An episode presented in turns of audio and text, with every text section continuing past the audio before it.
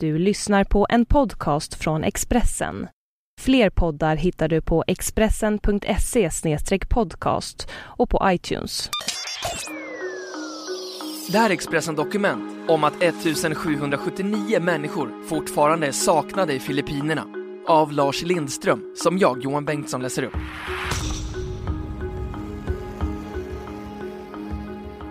Tyfonen som drog fram över Filippinerna för tre veckor sedan skördade minst 5759 dödsoffer och mer än 4 miljoner människor tvingades överge sina hem. Trots intensivt hjälparbete saknas fortfarande 1779 människor i bråten av sönderslagna hus och översvämmade områden. Läkaren Johan von Schreb, som under tre veckor har arbetat på plats på ön Samar, säger “Jag är imponerad av människors förmåga att bara resa sig ur ruinerna borsta bort smutsen och börja ta tag i saker.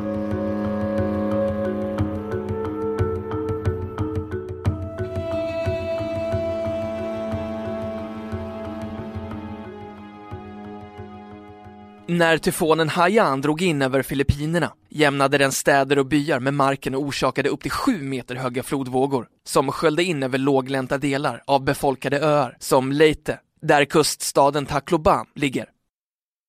De värst drabbade områdena är Samar, Leyte, norra Cebu, Iloilo, Capis, Aklan och Palawan. Johan von Schreb har 25 års erfarenhet av att som kirurg arbeta i katastrofsituationer i länder som Afghanistan, Rwanda, Sierra Leone och Kambodja. Han var en av de tre läkare som för 20 år sedan startade den svenska avdelningen av Läkare utan gränser och har berättat om sina erfarenheter i boken Katastrofdoktorn. Hjälporganisationernas utsända försöker bringa ordning i ett kaos av förstörda hus och vägar, stora högar av förnödenheter och krisdrabbade människor som behöver tak över huvudet, mat och sjukvård. Den officiella siffran på antalet skadade är nu 26 233. Johan von Schreb berättar. De första nätterna jobbade vi hela dagen, tills det blev mörkt. Sen lastade vi av material från lastbilar så länge vi orkade. Fraktflygen kom ett efter ett.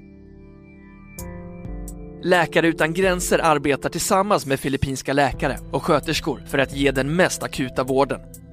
De första veckorna på plats i Filippinerna genomförde Johan von Schreb 486 mindre operationer.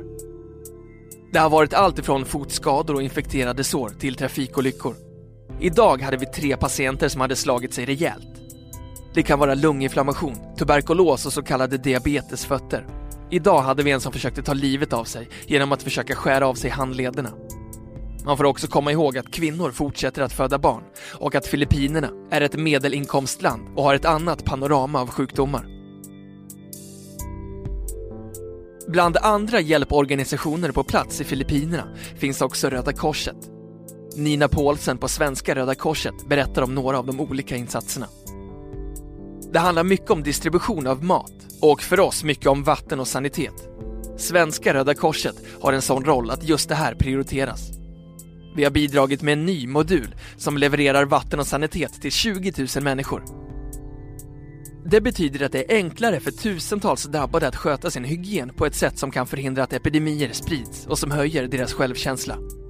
Andra saker som Röda Korset jobbar med är att ge tak över huvudet, ta hand om döda kroppar, röja undan skräp, samla in blod och dela ut så kallade shelter kits. Det är en påse med enkla redskap som spade, hammare, spik och rep så att människor själva kan fixa till exempel taket om det har pajat, säger Nina Paulsen. Nina Paulsen vill poängtera att det viktigaste jobbet kan göras innan katastrofen inträffar. Forskningen visar att för varje krona som läggs på förebyggande arbete sparas 4 kronor i räddnings och återuppbyggnadskostnader. Filippinerna drabbas ofta av tyfoner och andra naturkatastrofer och det var nyligen en jordbävning där. Därför är det viktigt att det finns välfyllda lager av material och hjälpresurser, att lokala frivilliga och personal från Filippinska Röda Korset har utbildats så att de kan agera på rätt sätt när katastrofen kommer. Det första vi hjälpte till med var att evakuera människor. Man visste att tyfonen var på väg och hade några dagar på sig att evakuera olika kustnära områden. Sammanlagt 700 000 människor evakuerades, säger Nina Paulsen. Johan von Schreb beskriver det han har sett på ön Samar som fruktansvärd förödelse. Tyfonen Haiyan drog först in just här och vräkte ner byggnader och förstörde allt i sin väg. I staden Guyuan jämnades både kyrkan och sjukhuset med marken. Men nu finns ett nytt tältsjukhus med 50 bäddar. Det har fortsatt att vara dåligt väder. Det har blåst rejält. Regnet vräker ner. Alla är dyngblöta och det är enormt med bråte överallt, säger Johan von Schreb, som är tagen av människors förmåga att uthärda och räta på ryggen i svåra situationer. Det ser man nästan alltid i katastrofområden. Jag är så imponerad av vilken förmåga människor besitter. Det är lättare vid naturkatastrofer än i konfliktsituationer. Här är det människan mot naturen. Det är en annan slags kamp, säger han. Ändå har givetvis katastrofen i Filippinerna också framkallat lokala kontroverser. Bara några dagar efter tyfonens härjningar plundrades flera stora butiker, bland annat Guiuans största shoppingcenter, av desperata människor som hade förlorat allt. Över hundra personer stormade köpcentret och tog med sig allt de kunde bära. Alkohol, medicin, bomull, schampo, kakor, bindor, blöjor. Jonathan Badilla, en 18-åring från Buena Vista på den närbelägna ön Manikani, berättar i Wall Street Journal att de några dagar efter tyfonen inte hade sett till någon hjälp och därför åkte över till Samar för att få läkarvård och hitta förnödenheter. Jag var hungrig. Någon sa, kom till Novi och ta vad du vill. Jag vet att det är oetiskt, men för ögonblicket verkade det vara det enda rätta, säger han. Christopher Gonzales, borgmästare i Guyuan, svarade på plundringen av varuhuset med en ovanlig plan genom att uppmana alla butiker att ge bort sina varor till de desperata medborgarna. Han kunde inte sätta ut bevakning vid varje butik. Det fanns helt enkelt inte tillräckligt med poliser. Så borgmästaren erbjöd butiksägarna att frakta varorna till kommunhuset. Därifrån kunde de sedan distribueras rättvist till invånarna. Och butiker som inte förstörts av tyfonen skulle förhoppningsvis inte heller förstöras av hungriga medborgare.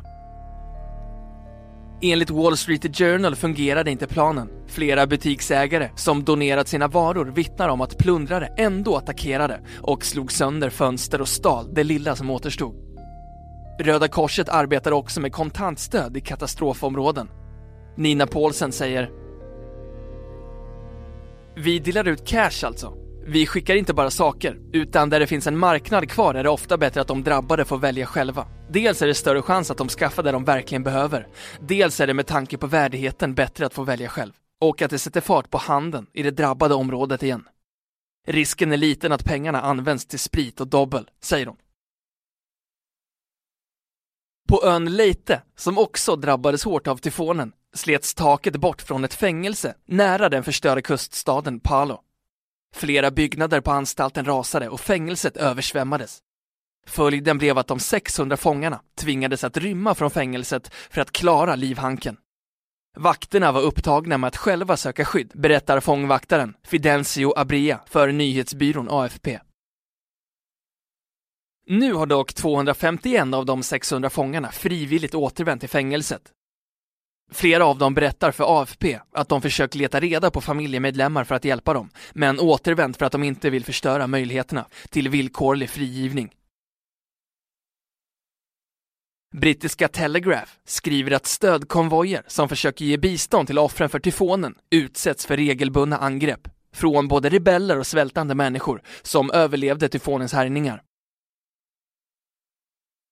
Johan von Schreb från Läkare utan gränser säger att under hans tre veckor i Guyuan har de inte upplevt något av det här, bara hört rapporter om fångarna som flydde och rebeller som utkämpat strider med hjälpkonvojer. Även om folk kämpar gemensamt får man förstå att tålamod kan tryta, att människor kan bli desperata. Det gäller att alltid vara försiktig, säger han.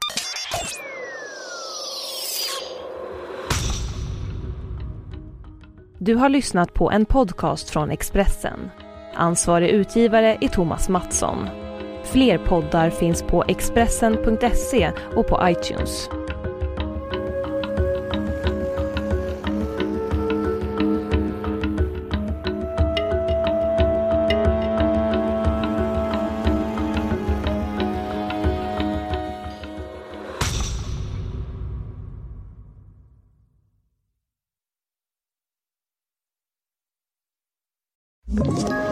Ett poddtips från Podplay. I podden Något Kaiko garanterar östgötarna Brutti och jag, Davva, dig en stor dos skratt. Där följer jag pladask för köttätandet igen. Man är lite som en jävla vampyr. Man har fått lite blodsmak och då måste man ha mer. Udda spaningar, fängslande anekdoter och en och annan arg rant.